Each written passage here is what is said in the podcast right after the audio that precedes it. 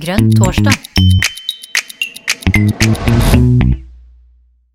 Velkommen til Grønn torsdag. I dag sitter jeg, Jon Lurås, og Jonas Bolifa i eh, redaksjonen. Og vi er så heldige at vi har MDG Superstar og medlem av finanskomiteen, Lan Marie Berg, på besøk. Og Lan skal snakke litt om eh, det, vårt nye framlagte alternative statsbudsjett. Vet du hvorfor vi eh, har alternativt statsbudsjett, Jonas? Vet du det? Nei, Eller må vi spørre Lan? Uh, ja, det, jeg tror nok kanskje at Lan kan svare enda bedre enn uh, meg på det. Men uh, det er jo når det kommer til budsjettet at man faktisk får satt politikk ut i livet, da. Det er vel kanskje så Jeg tror kanskje jeg skal nøye meg med å si akkurat det. Mm. Skal vi høre hva fasiten er, da, hvis vi kan kalle det det, da? Nei, men det er jo, for det første så er det jo veldig hyggelig å være her, da. Um, og Uh, og det er jo akkurat som Jonas sier, det er jo det man prioriterer altså det er når, i budsjettet man ser hva partiene faktisk prioriterer uh, å løfte, og hva regjeringen prioriterer. Og så er jo vårt alternative statsbudsjett er jo vårt alternativ til regjeringens statsbudsjett. Vi prioriterer å jobbe ganske mye med det, både fordi at da viser vi fram hvordan vi vil implementere partiprogrammet vårt, politikken vår i praksis, men også uh, for å gi våre svar da, på utfordringene i vår tid. Og det som kanskje er litt så spesielt med dette alternative statsbudsjettet, er at verden har jo endra seg ganske dramatisk fra 26.2, eller egentlig det siste året, og til nå. Um, og og, og, og, den tiden vi lever i krever ganske mange nye, store svar. Så det gjør vi også i vårt alternative statsbudsjett. Så det er jo litt sånn, det er noe av det vi har forsøkt å løse. da, Både det å vise fram hvordan vi implementerer partiprogrammet vårt, det som vi vedtok på landsmøtet i fjor, men også um, vise hva som er Miljøpartiet De Grønne sine svar på de store endringene da, som vi har sett i verden det siste året. Og Det har vel vært ganske utfordrende. Det er flaks at vi nå har ei stortingsgruppe som i hvert fall er tre personer. da. Ja, det, det, det, ja, det, ja, vi har det er jo ganske krevende. Mm. Vi har jobba veldig, veldig, intensivt eh, med både det og med de ulike løsningene som vi presenterer. Så, så for å ta på en måte de eh, på en måte viktigste grepene som jeg mener vi gjør først, da, så er jo det at vi lever i en tid der hvor uh, forskjellene øker i Norge. Um, og hvor vi trenger mer uh, omfordeling. Vi ser at uh, mange familier nå sliter med å betale regningene sine. 400 000 familier sliter økonomisk. Og køene utenfor uh, matsentralen øker. Og da har det vært viktig for oss å vise at vi ønsker å omfordele enda mer.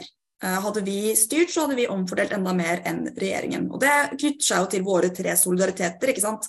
At vi ønsker solidaritet med mennesker som lever nå, både her hjemme i Norge, men også i andre land. Eh, og, eh, og med framtidens, eh, framtidens, generasjoner og med dyr og natur. Og Det er jo det med solidaritet med mennesker her i Norge da, som har vært viktig for oss å vise fram, og som også er viktig i vår, vår tid. Da. Så vi omfordeler faktisk 15 milliarder Um, fra de rikeste og til de som har minst. Um, sånn at de får uh, mindre da, i inntektsskatt enn det som de aller rikeste får.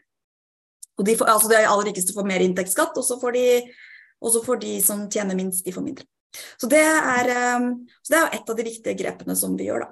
Mm. Eh, det, eh, det, har jo vært eh, i etterkant av valget og sånn, så har det jo vært mye snakk om at vi må breie ut politikken mer.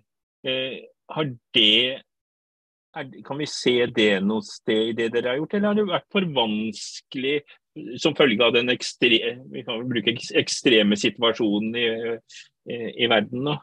Det har vært vanskelig å implementere. Men jeg synes jo at Det som har vært fint med hvert fall den prosessen knyttet til alternativt statsbudsjett hver gang vi har laga det, da, og uh, da Une og Rasmus uh, før meg, da, siden dette er mitt første, så, um, så, har jo det vært viktig et viktig oppslagsverk tror jeg, for veldig mange grønne, uh, for å se faktisk hvordan vi prioriterer på også andre saker enn miljø. Så her var det jo lagt et veldig godt grunnlag fra før.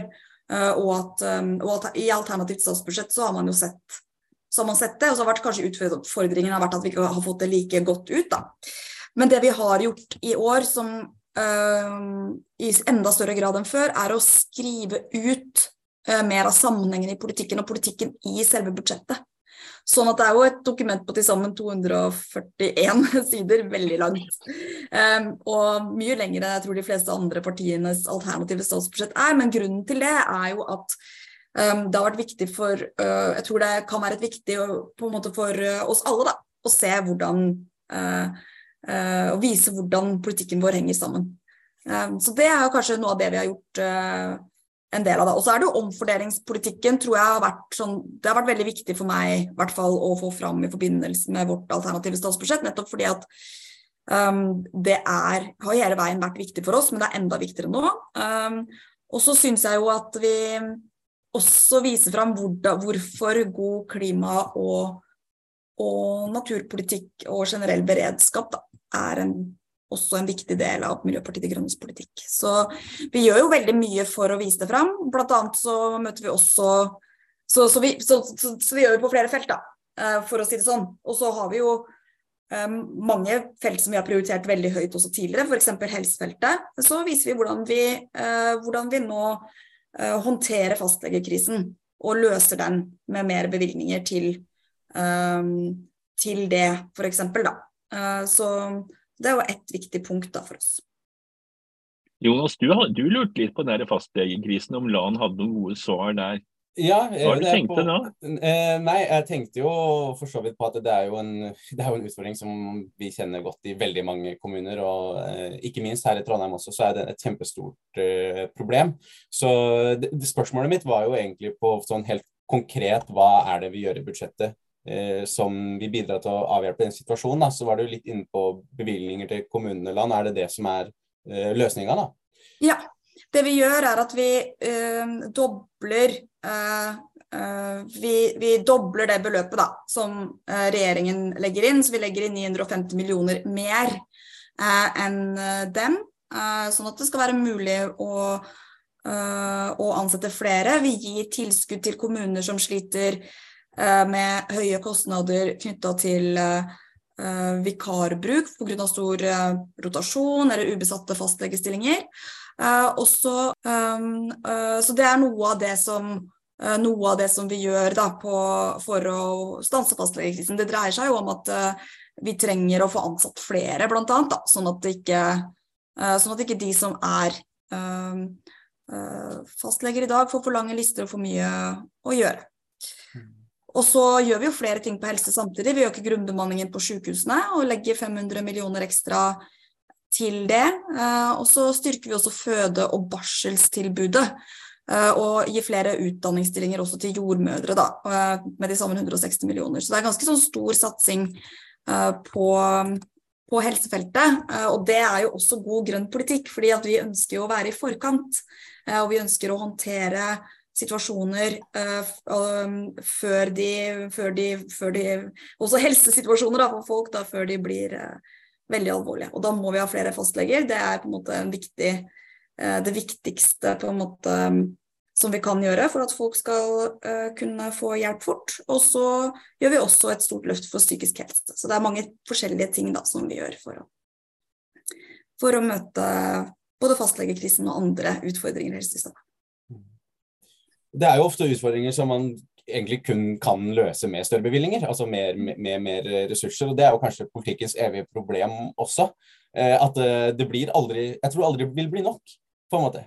Um, så hvor jeg vil med det her, er på, på, på inntektssida. Altså, er det noe vi kutter i vårt budsjett sammenligna med eh, regjeringas budsjett som gir det økonomiske handlingsrommet? For det også er jo litt uh, viktig og litt interessant. Ok, ja. uh, For det første på inntektsskatt så, uh, så, tar vi ikke inn noe mer enn regjeringen, men vi omfordeler bedre. Så det, er, så det, er, bedre for de som har minst, og så tar vi inn litt mer fra de som har mest. Så innfører vi arveavgift, og så innfører vi formue, en økt, altså økt formuesskatt og en sånn trinnskatt da, på, på formue. og så gjør vi um, en del grep på, uh, på, utgiftssiden, både når det kommer til å kutte i unødvendige veiprosjekter, men legge mer penger på rassikring f.eks. Uh, og, og sånn, at, sånn, at, vi kan sikre de veiene som vi har. Og der, jo, der, kutter vi jo veldig mye. Og så trar vi jo inn mye penger fra ved at vi f.eks. ikke investerer i ny olje- og gassinfrastruktur, som staten bruker mye penger på.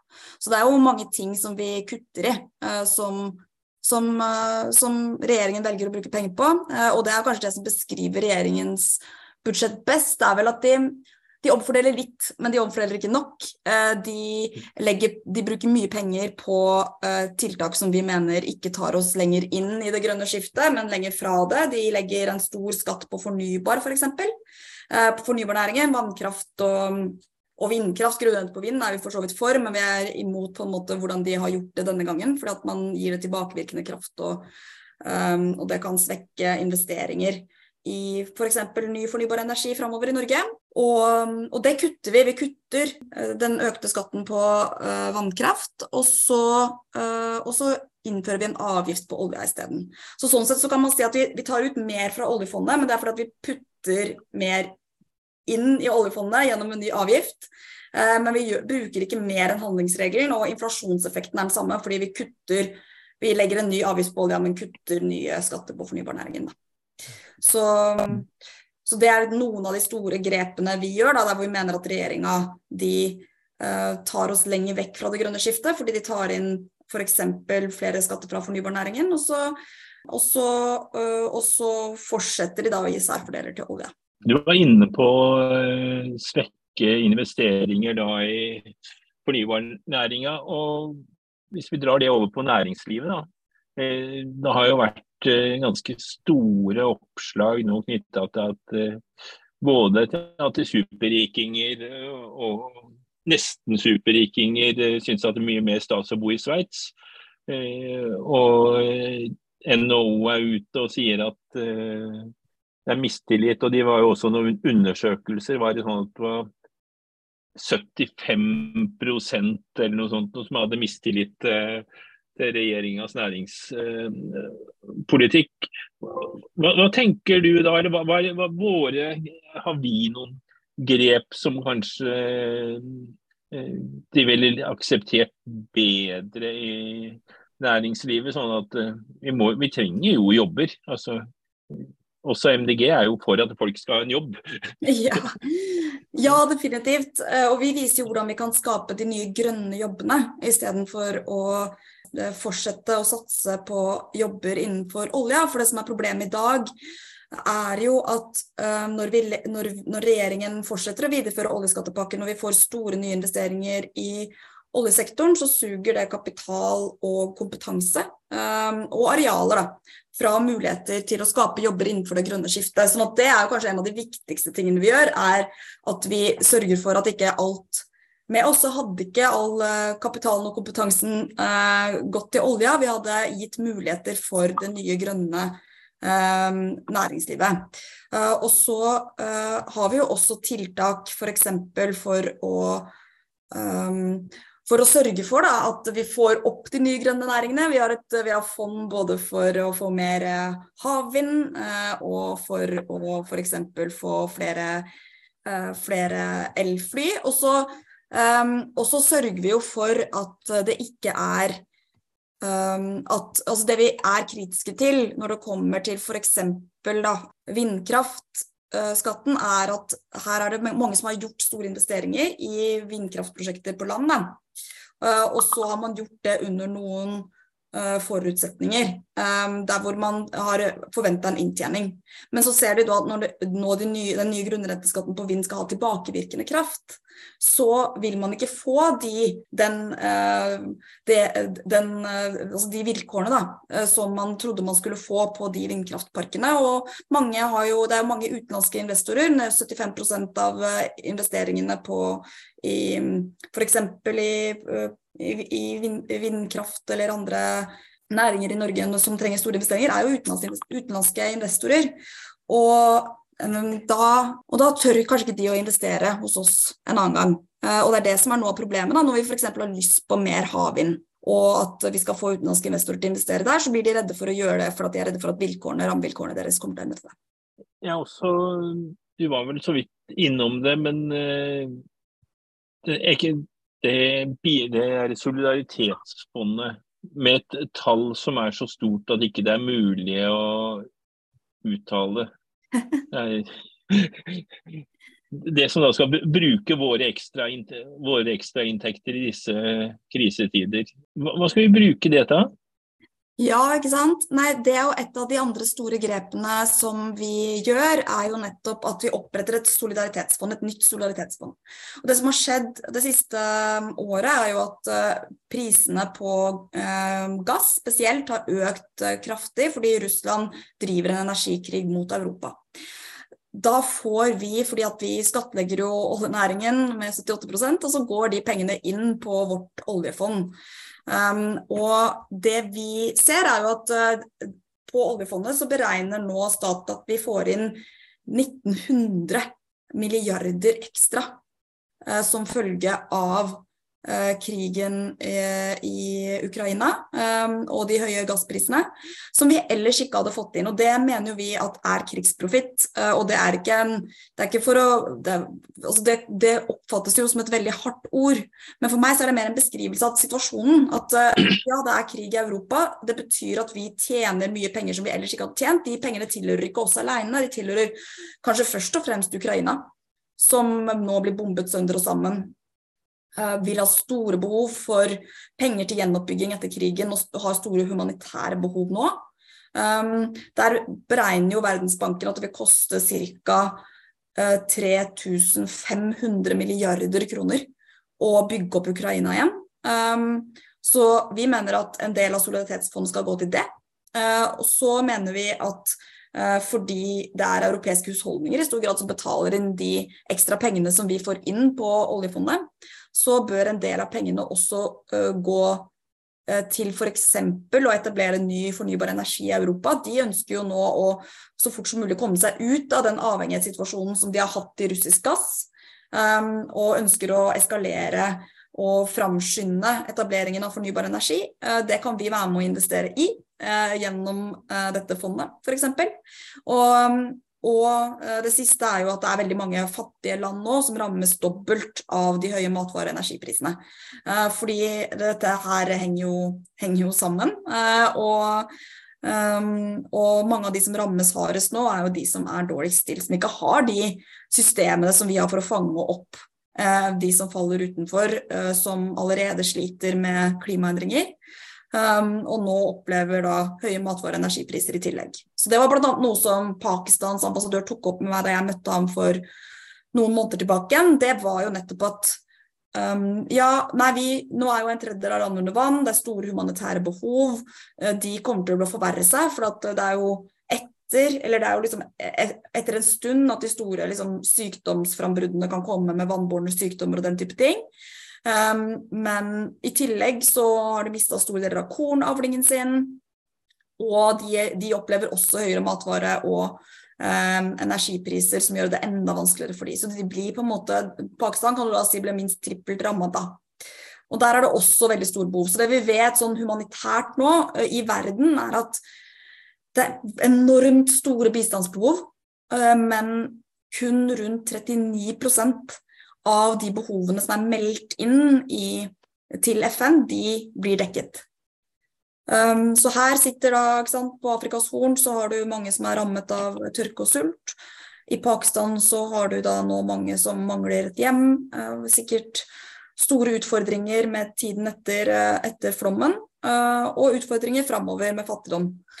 Og, og det, det har vi et ansvar for å være med på å løse, og vi har muligheten. Eh, så vi vet jo at, så det er det vi har tenkt, et slags Marshall-fond Marshall eh, fra, fra, vi, hvor vi kan bruke de ekstraordinære inntektene. Så er det mange som bare sånn, ja, det bruker pensjonsfondet, da. Det er jo våre det er jo uh, det som skulle gå til framtidens generasjoner. Men noe av utfordringen her er jo at Eller på en måte noe av bildet her er at dette er penger vi ikke forventa å tjene. Vi får, jo, vi får jo normalt sett rundt 300 milliarder inn på fondet årlig. Det tar vi ikke ut, men vi tar jo ut, uh, vi tar ut uh, det som, kom, som, er helt ekstraordinært. Du sier det tallet var, Ja, nei, Jon først, kanskje. Ja, tallet var jo så stort at verken Lan eller jeg greide å si det. ja, 1900 milliarder, ja. Uh, ja. Det, er jo, det, er jo, helt sånn svimlende, da. Men så veit vi jo da bl.a. at når det er 3500 milliarder det vil koste å bygge opp Ukraina igjen, sånn som de mm. beregner det nå, da, så, uh, så, så ser vi jo at behovene også er helt enorme. Men her er det snakk om, det snakk om her et uh, fordi det, Du nevner jo både humanitære saker, men også var du litt inne på det med investeringer i fornybar energi, f.eks., uh, som dette fondet kan brukes til. Da. Så um, jeg bare lurer på, Har du noen tanker om er dette et politisk styrt Norges regjering sitt fond, eller er det på en måte et oljefondet light som, som skal styre seg sjøl, på en måte, Eh, og være uavhengig, på en måte? Det, har vi noen tanker om det? Ja, Det er jo et veldig spennende spørsmål. Da. Vi, har ikke, vi har ikke på en måte bestemt oss for hvordan, akkurat hvordan innretningen skal være. Um, men vi ønsker, ønsker, i første omgang å på en måte få de andre partiene med på prinsippet. Da. Um, og det som skjedde, Vi fremmet jo dette for første gang i vår, så har vi fremmet det på nytt i høst. For man har lov til å liksom fremme det, fremme det eh, eh, en gang per eh, sesjon, da, på en måte. Så da, eh, så da I fjor så stemte, eller i vår da, så stemte faktisk KrF og Venstre med oss. Og i spørretimen med Jonas Gahr Støre nå på Stortinget denne uken her, så var Venstre veldig tydelig overfor Jonas Gahr Støre. Så her begynner det å skje noe, eh, også i norsk politikk. Internasjonalt så har det jo vært snakk om et sånn type solidaritetsfond flere ganger, både i EU-sammenheng, eh, hvor det har vært nevnt som noe som de egentlig har forventa, at, eh, at de som tjener mye penger på olje og gass nå burde være med å dele. Og så har jo FNs generalsekretær, nå sist på klimaforhandlingene, som nå er en veldig sluttspurt da, mens vi prater, um, um, nevnte jo da første uken i forhandlingene at han mente at uh, oljeproduserende land burde bidra mer til fattige land uh, som sliter med klimaendringer, fordi de får så mye ekstraordinære inntekter nå. Um, og så har vi jo Norge vært omtalt i aviser, aviser da, som Financial Times, uh, som som, som, sier at dette her på en måte, dette her henger jo ikke, dette kan jo ikke være helt riktig da, at noen skal tjene så mye penger og ikke dele på det. Uh, når uh, mange land i Europa sliter vanvittig mye mer enn oss da, med den energikrisen som kontinentet står i. Så du kan si at norsk politikk, vi, vi er liksom en del skvetter litt når de ser tallet og, og, og, sånn her i Norge, men internasjonalt så har dette her vært snakk om uh, lenge, og det er i ferd med å skade Norges omdømme at vi ikke velger å gjøre mer, da. Nei, det er, en, det, er en, det er, jo en, sak som i hvert fall sånn eh, jeg opplever det her hjemme, blir eh, ofte satt liksom opp mot det å skulle hjelpe folk i Norge. Eh, og det er jo den eh, Der er det jo en, kanskje en kommunikasjonsutfordring da, på å få det fram at det er ikke nødvendigvis det det, nødvendigvis det det, betyr. For det ligger jo inne i statsbudsjettet her ganske mye for å eh, hjelpe på den strømpriskrisa som vi har her også. Ja, ikke sant? Eh, og jeg lurer på om du kan si litt om, om vår løsning på det, da. så for de som eventuelt hører på og, og, og fortsatt har den motsetninga i hodet. Ja, for, da, for, uh, for, det første skal jeg jo si det som jeg har sagt tidligere også, at vi omfordeler bedre enn regjeringen. Så vi tar 15 milliarder fra de som tjener over 800 000, og så gir vi det til de som tjener under, da, og spesielt de som tjener uh, under 500 000. Så det er på en måte én viktig ting. Uh, vi mener jo at det ikke er en Det er jo ikke en motsetning mellom å hjelpe folk der ute og hjelpe folk her hjemme. Men det blir ofte satt opp som en motsetning, og det mener vi er helt feil. Da. Så det er jo ett grep vi gjør som regjeringen kunne ha gjort. Og så bruker vi også 10 milliarder kroner mer enn regjeringen på å støtte opp under de som er svakest stilt i samfunnet. Blant annet så øker vi eh, barnetrygden, spesielt for enslige, men vi prisjusterer den også. Og så, og så eh, øker vi eh, taket på bostøtta, sånn at, sånn at, det er flere som faller innenfor, for det mener vi er riktig nå som prisene nå stiger så kraftig da er det flere som kommer til å trenge bostøtte, og da må vi også øke taket, og så øker vi også satsene. Så, um, så det er noen av de tingene som vi gjør, da. Men på strøm, uh, for det eh, viser vi jo også i budsjettet vårt at f.eks. en familie på fire ville jo fått 40 000 kroner uh, med vår strømbonus. Eh, fordi um, hvis man lever da, i et område med høye strømpriser, uh, og det gjør vi nettopp fordi vi deler ut istedenfor at vi gjør som regjeringen, da, hvor deres strømstøtte den, Det var veldig bra at de fikk på plass tidlig, fordi at folk trengte hjelp når strømprisene ble så høye i fjor.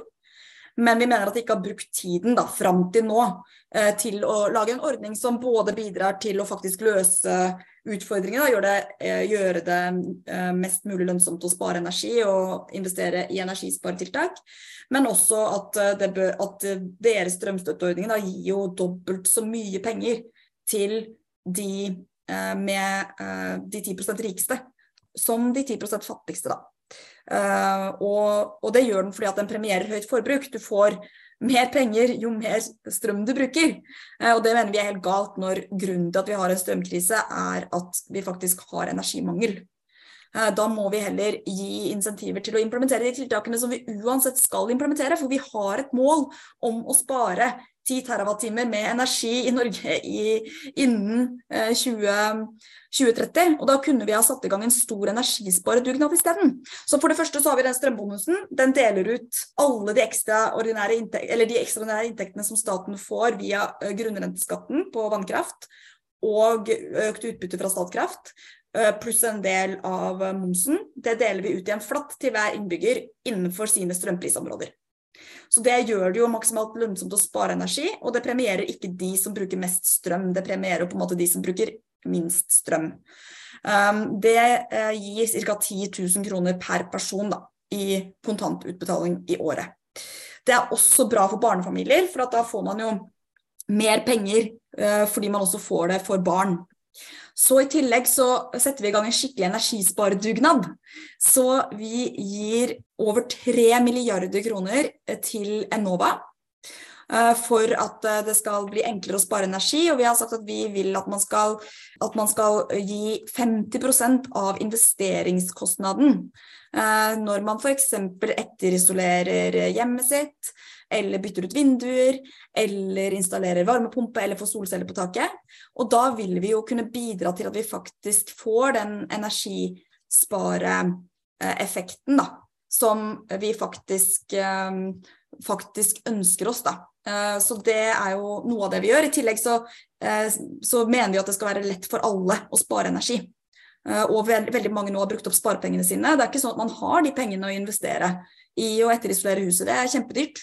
Så da, selv med støtte, så da gir vi, da, da, da gir vi Eh, mer penger til Husbanken, sånn at de kan hjelpe de som er vanskeligst stilt. Og i tillegg så mener vi at alle skal kunne få rentefrie lån fra Husbanken hvis de gjennomfører denne type tiltak på huset sitt. Og da tror vi at det både kan, det kan bli sånn derre på en måte en, en, effekt der hvor både håndverkere og, og folk flest da, Eh, får implementert energisparetiltak på en måte som ikke gjør at de vil ha høyere regninger enn de ellers ville hatt, kanskje sannsynligvis lavere regninger, selv om de eventuelt måtte ta opp et lån da, eh, for å få det til. Så Det er noen av de tiltakene som vi gjør, da, som vi mener er mye mer treffsikre enn regjeringens. Og der hvor vi også har støtte fra bl.a. NHO og mange andre da, som mener at nå er tiden for å, eh, for å satse skikkelig på energisparetiltak strømstøtta, eh, gå tilbake igjen til den. Ja. Det høres jo veldig ut som eh, noe som står i partiprogrammet som kalles borgerlønn?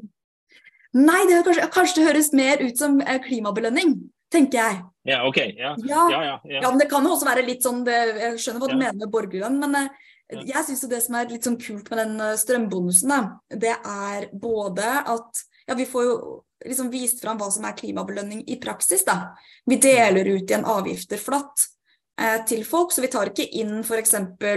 Um, eh, økte dieselavgifter da, for, eksempel, for å bare ta det inn på statsbudsjettet. Vi deler det ut igjen flatt, sånn at de som faktisk gjennomfører da, tiltak for å eller ikke bruker så mye, da, f.eks. bilen sin, eller strøm, de tjener på det. Og at man belønner da miljøvennlig atferd.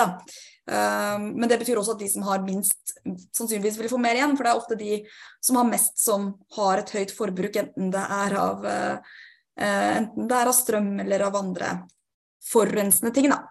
Så, uh, så det syns jeg er litt gøy, og det som også er gøy, at det er aktører som Energi Norge, mange økonomer, har vært ute med at dette her, uh, en strømbonus eller en grunnrentebonus, er det noen som kaller det.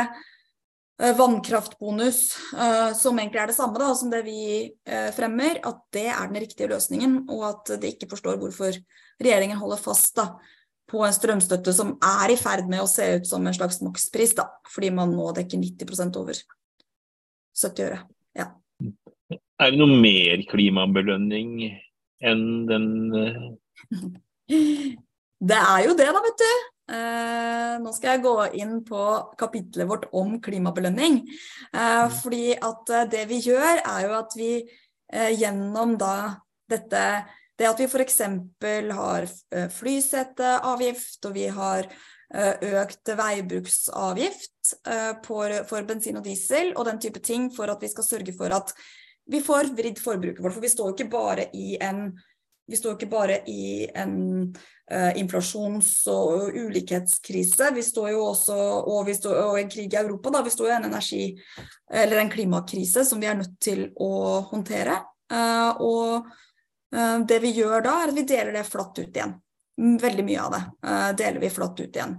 Så en, en familie på fire da, vil da få 10 000 kroner per familie, da, eller 2500 kroner per person da, uh, gjennom, det, uh, gjennom det opplegget. Så, så, samtidig som vi da gjør det litt dyrere å forurense, um, så gjør vi det billigere å leve miljøvennlig. Så vi kutter jo moms på reparasjon og gjenbruk og frukt og grønt.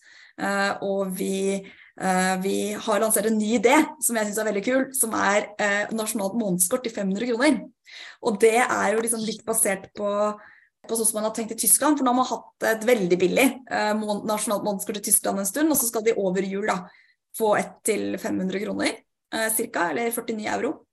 Uh, og, uh, og, det tror vi at uh, det kan øke interessen da, for å reise med tog mye. fordi i dag så føler man jo at man stryker litt på en IQ-test hvis man absolutt skal reise med tog mellom de store norske byene. For det er mye billigere å reise og raskere da, å reise med fly. Så, men hvis man kan reise f.eks. fra Oslo til Bodø da, og tilbake igjen, Eh, for 500 kroner så blir jo det fort en billigere familietur da, enn eh, en det ville vært å reise med fly. Vil den eh, løsningen virke på alle disse togselskapene som etter hvert driver og Særlig er på norske skinner? Ja, De må bare innordne seg, de, tenker jeg.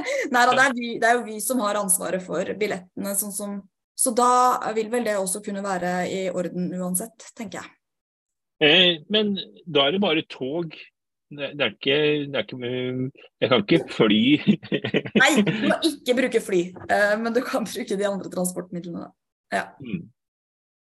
Vil du si, Lan, at det er eh, det, Du var litt inne på det med å få flere til å reise kollektivt. og det, Jeg ble veldig glad når jeg så det forslaget. Eh, Syns det var eh, utrolig kult. Har også fått med meg det fra Tyskland.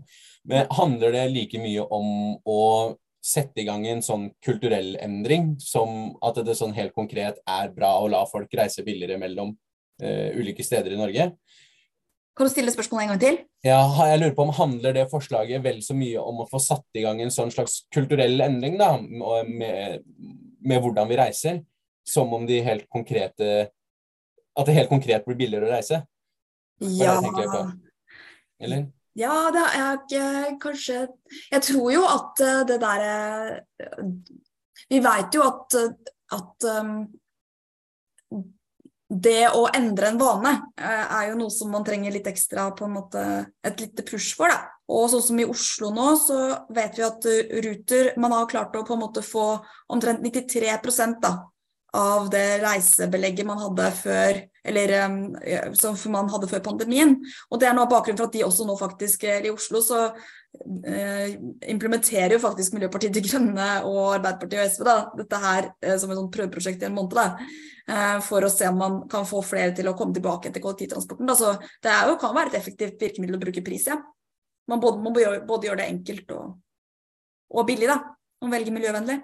Så mm. sånn sett så kan jo kanskje svaret være ja. Nei, det er jo også, jeg ser også det er et uh, punkt knytta til overføring til kommuner og fylkeskommuner knytta til det her. Hva sa du nå, Jon? Lotta. ja. Eh, nei, det jeg sa, var eh, knytta til kommuner. Ja. Eh, det, er, et sånn overføringspunkt eh, med ekstra støtte. For det er jo eh, seriøse vurderinger på om man må droppe mange busser, busser og sånn. Ja, ikke sant. Det er jo kjempeviktig og Eller det som er viktig liksom, Kollektivtransporten er jo veldig sterkt subsidiert.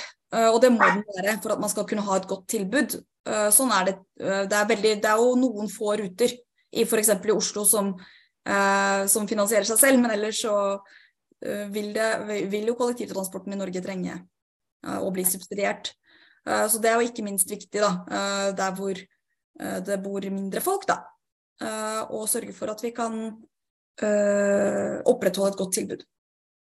Og så er det jo sånn også da for Miljøpartiet De Grønne, og det er jo eh, vi alle veldig enige om, tror jeg, det er jo at vi mener jo ikke at alle skal reise med kollektivt hele tiden, vi mener at det skal være et godt kollektivtilbud. Eh, og så er det jo sånn at eh, eh, veldig mange steder i Norge så er folk avhengig av bilen, men da må vi gjøre det lettere å ha elbil. Så eh, det var jo veldig kult når jeg var oppe i Alta eh, her for noen måneder siden. Så sist gang jeg var i Alta, så var det ikke en eneste hurtiglader i Finnmark. Men siden det så har de nå bygd ut et helt eh, ladenett da, um, der oppe som gjør at det skal være lettere da, for folk å ha elbil.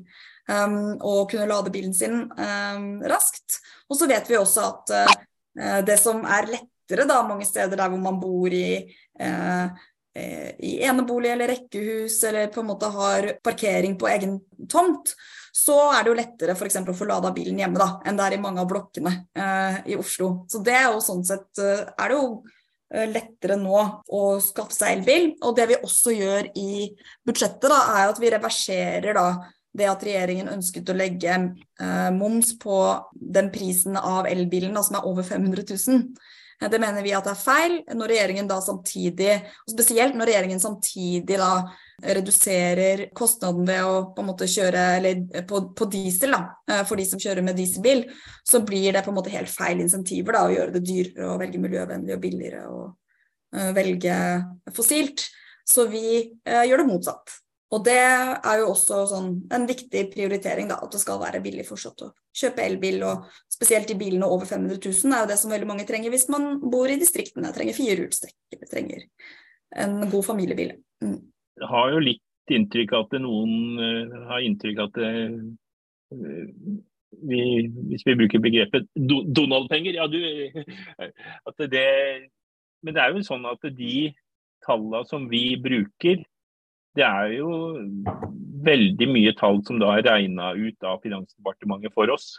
Så, de, Finansdepartementet regner også da ut tallene for regjeringa og partier, mange av de andre partiene også i sine alternative statsbudsjetter. Så det er ikke noen tall vi finner på. Vi har et spørsmål knytta til et eller annet forslag, og så eh, tolker vi det politisk ut fra det, ikke sant. Mm. Ja, det stemmer. Sånn at, um, så vi stiller jo mange, mange, mange spørsmål. Og partiene stiller mange spørsmål, og så svarer Finansdepartementet ut da, hva, eh, hvordan f.eks. skatteopplegget vil bli hvis man gjør sånn og sånn, f.eks. Eller hva et, dette tiltaket vil koste. Og så legger man inn det man mener da um, er riktig. Uh, og så kan du si at for oss så bruker vi jo ikke Vi bruker regjeringen, da, bare for å ta litt sånn men hvordan har vi prioritert, og har vi bare liksom funnet opp masse nye penger, da? På en eller annen måte. Uh, og det har vi jo det har vi ikke gjort, men vi har gjort noen ting annerledes. Sånn at det vi har gjort, er at vi, vi ser at regjeringen de bruker uh, 2,5 uh, av um, uh, handlingsregelen som er opptil 3 ikke sant, fra oljefondet. og det Vi bruker 3% Det er handlingsregelen. Um. Men vi bruker ikke Men vårt budsjett er ikke mer inflasjonsdrivende enn regjeringen sitt, fordi vi vi tar ut noe mer fra oljefondet, men vi kutter også uh, de fornybar Vi kutter også skattene på fornybarnæringen og legger på en ny avgift på olja isteden. Så det er på en måte likt. Og så, um, og så, så bruker vi også noe mer penger fra oljefondet til å oppfylle bistandsprosenten. Um, fordi det regjeringen la fram, var jo et budsjett som for første gang på 50 år ikke oppfylte bistandsprosenten. Det betyr at um, Vi skal gi da 1% av det som er vår bruttonasjonalinntekt hvert år til internasjonal bistand til fattige land. Det har vært Eh, et prinsipp i norsk politikk da veldig lenge. Eh, men denne gangen så mener regjeringen at vi tjener for mye penger til å kunne eh, nå bistandsprosenten. Og det mener jo vi er helt bakvendt. Sånn kan det ikke være. Så vi har vært opptatt av å oppfylle bistandsprosenten, men det har vi gjort ved å hente penger fra oljefondet. Og det gjør vi noe i tillegg. Men det er ikke inflasjonsdrivende i Norge. Fordi de pengene brukes jo i et annet land.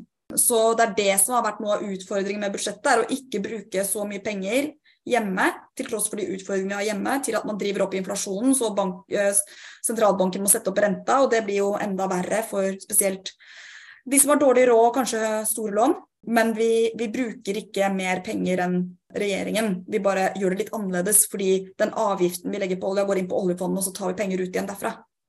Mens de legger en avgift rett på fornybar, eller legger mer skatt på fornybarnæringen, og det går rett inn i det ordinære statsbudsjettet. Eh, så det er kanskje den store forskjellen, da. Og så føles det jo litt ut, og det vi gjør i tillegg, er jo selvfølgelig å ta ut de ekstra pengene fra oljefondet som vi får ekstraordinært inn i vårt eh, solidaritetsfond. da. Og det, det, er jo veldig mye penger, og annerledes enn det de andre partiene gjør.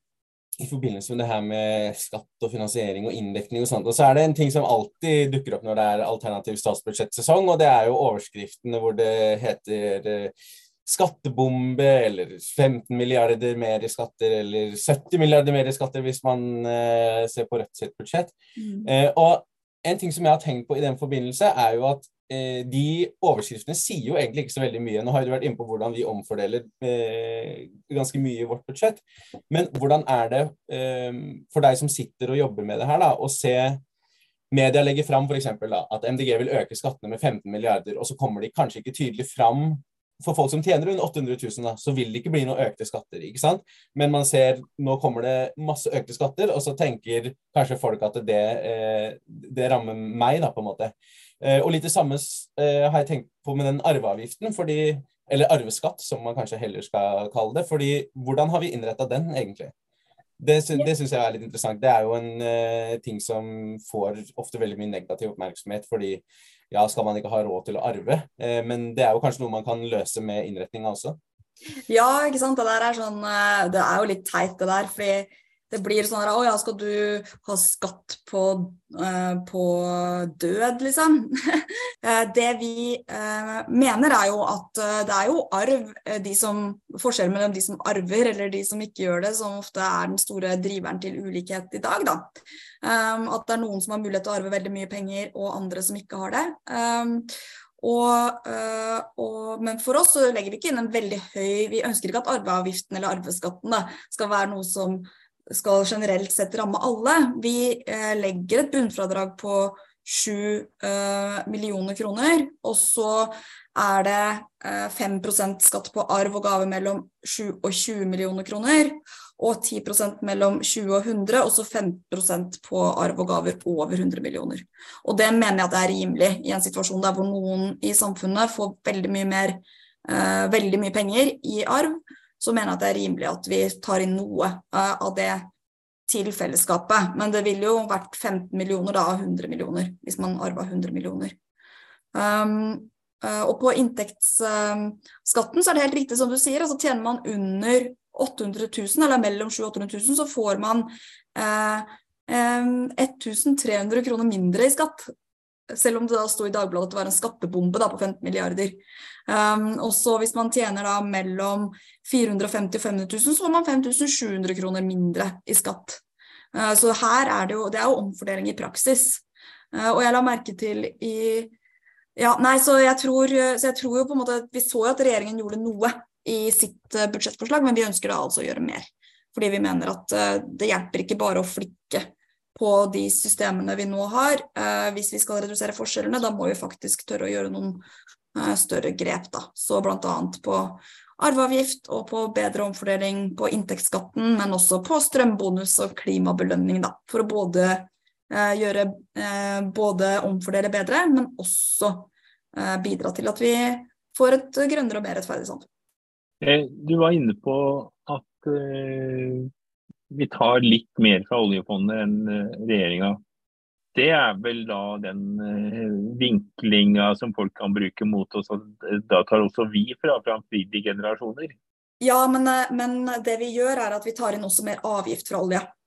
Sånn at mm. mens regjeringen la mer skatt på fornybar, grunnrenteskatt på vannkraft og høyprisbidrag og sånn, så mm. stryker vi ut den, og så legger vi en ny avgift på olja isteden, som også tjener veldig mye penger om dagen, og som har mye større investeringskraft uh, enn fornybarnæringen, og som dessuten ikke stort sett eies av landets kommuner uh, rundt forbi uh, og fylker. så vi tar det fra oljeselskapene, så setter vi det inn på oljefondet.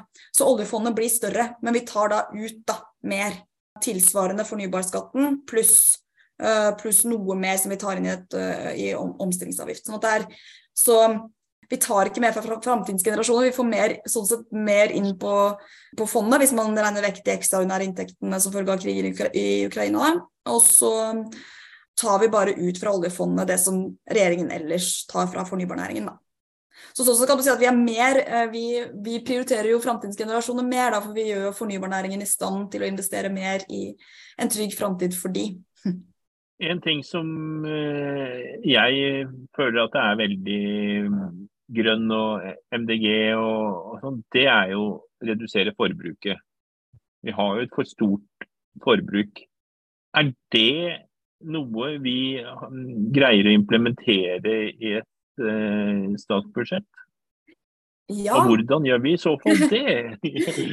ja, nå har vi vært innom både strømbonus og klimabelønning, da, som er uh, på en måte å bruke prismekanismer da, for å Eh, gjøre det um, lettere å forbruke mindre. Um, og så gjør vi det jo lettere å spise og leve miljøvennlig med å bruke og fjerne f.eks. moms da, på frukt og grønt, og på å gjøre det lettere å dele og reparere. Så det er jo en måte da, å bidra da, til at det skal være lettere både for de bedriftene som ønsker å jobbe med det, men også for de som eh, av oss forbrukere da, som ønsker å reparere mer. Da, for ofte så kan det jo koste mer å reparere noe enn det gjør å kjøpe, kjøpe noe nytt. Uh, og så innfører vi også en særavgift for produkter med stor miljøbelastning. Så det er jo en av de, uh, en av de tingene som som vi gjør. Og så har vi et kapittel da, som, um, som, heter 'Verdiskaping i en sirkulær økonomi'. Eh, og det handler jo nettopp om det, da. Å sørge for at, ikke, at ikke forbruket vårt skal basere seg på hele tiden ta ut nye ressurser eh, og, for, og, og jomfruelige materialer, da, men at vi skal sørge for at eh, vi klarer å resirkulere det og bruke ressursene om igjen. Så det er noe av det som eh, vi viser fram der, da. Eh, og for oss så handler det bl.a. om eh, Det handler både om avgifter, men også om regelverk. ikke sant? Sånn at det vi jobber for bl.a. når det kommer til klesindustrien og, og andre sektorer, er å sørge for at man får et regelverk som gjør at det ikke lønner seg å produsere masse, og, så, og at butikkene bare dumper de klærne de klærne en ørken et eller annet sted, men at vi sørger for at man heller da får eh, at vi, får, eh, at vi, at vi, at vi sørger for at materialene som da blir produsert i, er gode, er mulig å resirkulere. At vi får insentiver da, for å få en sånn sirkulær økonomi. Så det er noe av det som vi viser fram her også, da. Nei, for det er jo en Hvis vi bruker den derre World Overshoot Day, altså overforbruksdagen, så er jo den for Norge en eller annen gang i april. altså da, Norge bruker jo da ca. tilsvarende tre jordkloder hvert år. Så det er jo et ekstremt eh, reduksjon vi må til, da. Ja, og for oss er det viktig å understreke at det først og fremst er et politisk ansvar å få det til. Mm. Sånn at eh, det er klart at eh, Men veldig mye av eh, altså Oljenæringen har det vært avslørt har brukt, har brukt veldig mye penger på å prøve å overbevise oss alle om at det er hver enkelt av oss som har ansvar for å løse klimakrisen og finne ut hvordan vi skal redusere forbruket og ta vårt eh, karbonfotavtrykk. Uh, og, og, og, det er noe uh, det er noe bra at folk er bevisste på det, men det aller viktigste er at vi som politikere skal gjøre det lettest mulig. da, Å velge å bruke å kjøpe, hvis man kjøper nytt, kjøpe materialer som er mulig å resirkulere, og, og, at det skal være mulig å reparere for en relativt billig penge. Um, og at vi heller skal oppmuntre da, og, og gi insentiver til f.eks. deleløsninger. Da. Men i dag så gjør man ikke det. Man, man, da, hvis jeg skal gå og kjøpe meg noe nytt på Fretex, så må jeg betale moms. Men, men, men kostnaden for Fretex på på en måte sortere, eh, prise individuelt varene, sette ut i butikken og få det til å se greit ut og sånt, er mye høyere enn det er for de store kjedene da, som masseproduserer klær i Kina f.eks. Mm. Ja, Jonas, du er jo opptatt av lokale ting. Er det, er det, skjer det noe i Trondheim nå? Som, nei, altså det, med, budsjett, det, det, med, det med sirkulærøkonomi er jo, et, uh, er jo et tema i Forhåpentligvis i alle kommuner. Det er jo et, et stort uh, et stort eh, tema i, i Trondheim i hvert fall. Det gjøres jo ganske solid innsats fra de grønne i bystyret her.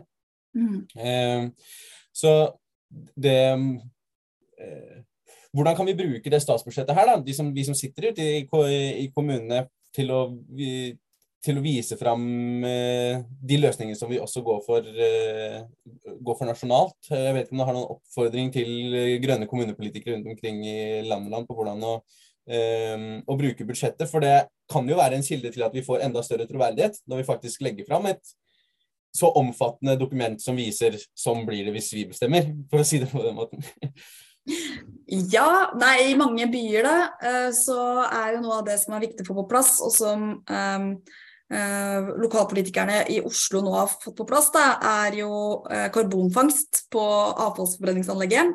Vi legger jo inn at eh, vi vil at det skal være Vi legger inn mer penger til å få på plass karbonfangst på avfallsforbrenningen rundt forbi, eh, og eh, i tillegg at det skal være at skal, det skal være forbudt å ikke ha det fra og med 2030. Så det vil jo gi insentiver for å få det på plass, f.eks. Og så er det jo det vi gjør, er jo å på en måte endre de nasjonale retningslinjene da, og nasjonale rammene, for at det skal være lettere for kommunene og sørge for at det blir f.eks. lettere å etablere um, reparatører og andre som har lyst til å hjelpe folk med, med, å reparere tingene sine eller å kjøpe brukt. Så det er jo også en del av det. Og så gir vi veldig mye mer penger til kollektivtransporten, både til investeringer og til å sørge for at det blir billigere å reise kollektivt. Da. Så um, jeg tror at bl.a. da den Eh, det nasjonale månedskortet kan bli jo, jeg syns det er en bedre politikk da, enn det å redusere billettprisene med 20 eh, Og så syns jeg at eh, Og så tror jeg det er lettere å kommunisere. Så Det er jo noen av de tingene man kan trekke fram da, når man sliter med å få kommuneøkonomien til å gå opp. For det har jeg også opplevd som politiker i Oslo. Så jeg har også opplevd det. At det er jo vanskelig for en kommune eller et fylke å få økonomien til å gå opp og få gjort alt det man ønsker seg. Men her er i hvert fall Eh, kan man vise til at men vi gjør dette nasjonalt, da, og at det er statens oppgave også å bidra til bedre rammer. For at kommunepolitikerne har bare de virkemidlene og de rammene man har. Um, og så gir vi også kommunene bedre virkemidler da, på, på klima og, og, natur. Da. Vi vil jo etablere arealregnskap um, og sørge for at det blir lettere for um, lettere å kunne på en måte følge med på det uh, i, i kommunene. Vi ønsker å og sørge for at f.eks. alle kommuner får lov til å kreve at eh, byggeplassene er nullutslipp. Istedenfor at det er sånn som nå, hvor eh, Oslo og staten driver og krangler om man skal få lov, til, uh, få lov til det. Så det er jo noen av de virkemidlene som vi vet at kommunene trenger, da, som vi ønsker å gi dem. Så det er det også bare å slå opp i. Da. Det finnes en to-tre sider bak der som heter verbaler, eller ting vi foreslår da, regelendringer og sånn, som det går an å slå opp i. Og det alternative statsbudsjettet finner vi jo da på mdg.no, og, søker det opp der. Så Der ligger både det siste og de tidligere åra. Vi jo nå skal runde av land, men det å, at vi bruker så mye energi, bruker så mye tid da, på å lage et, et stort og omfattende alternativt statsbudsjett, er det med på å øke vår troverdighet hos de andre partiene? Jeg, jeg, håper jo det. Eller vi viser jo veldig fram. Vi er jo veldig ærlige og flinke da, uh, i vårt alternative statsbudsjett. Vi viser veldig tydelig hvordan vi gjør ting.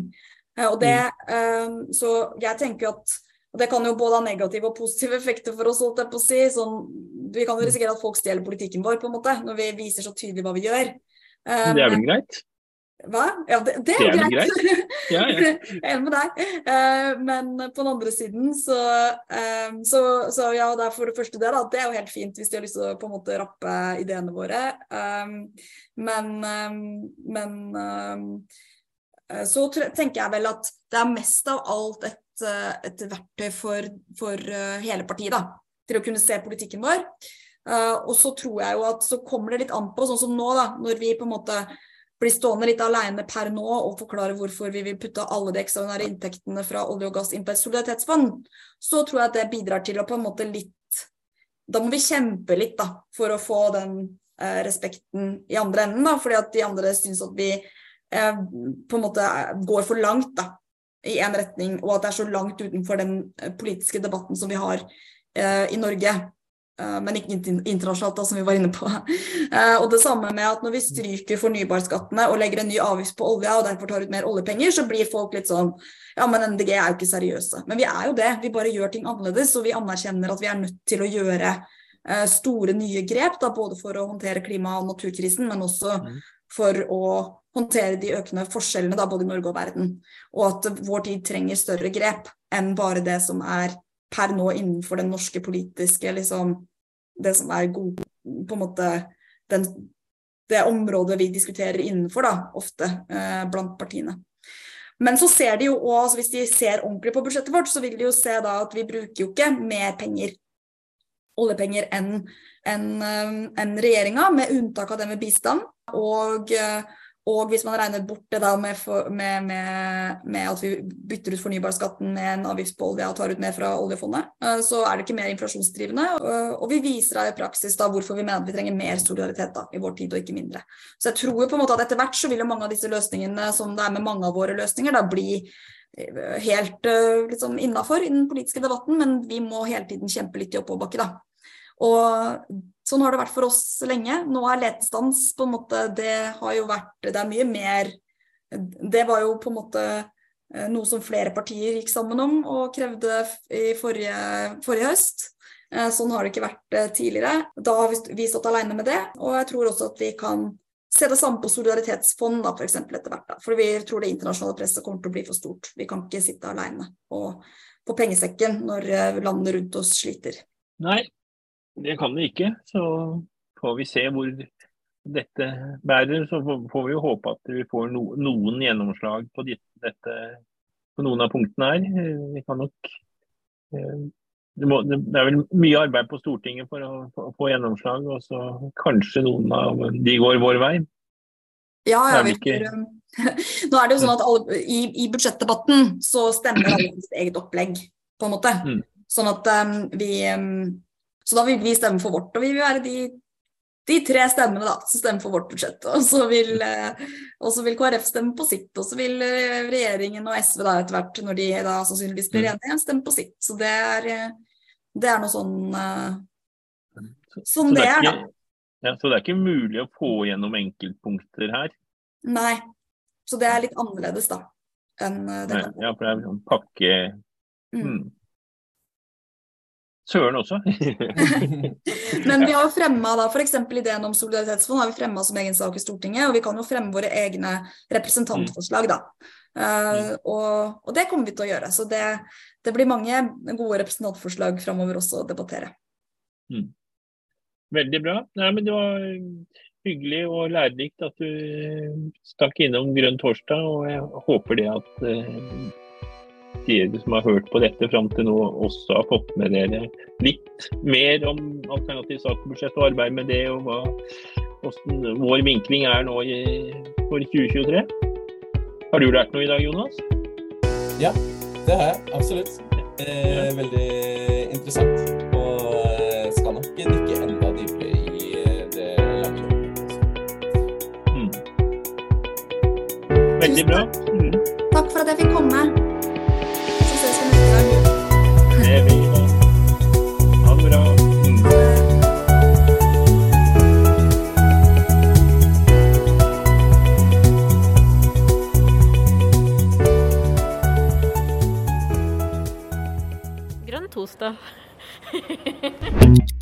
Grønn torsdag.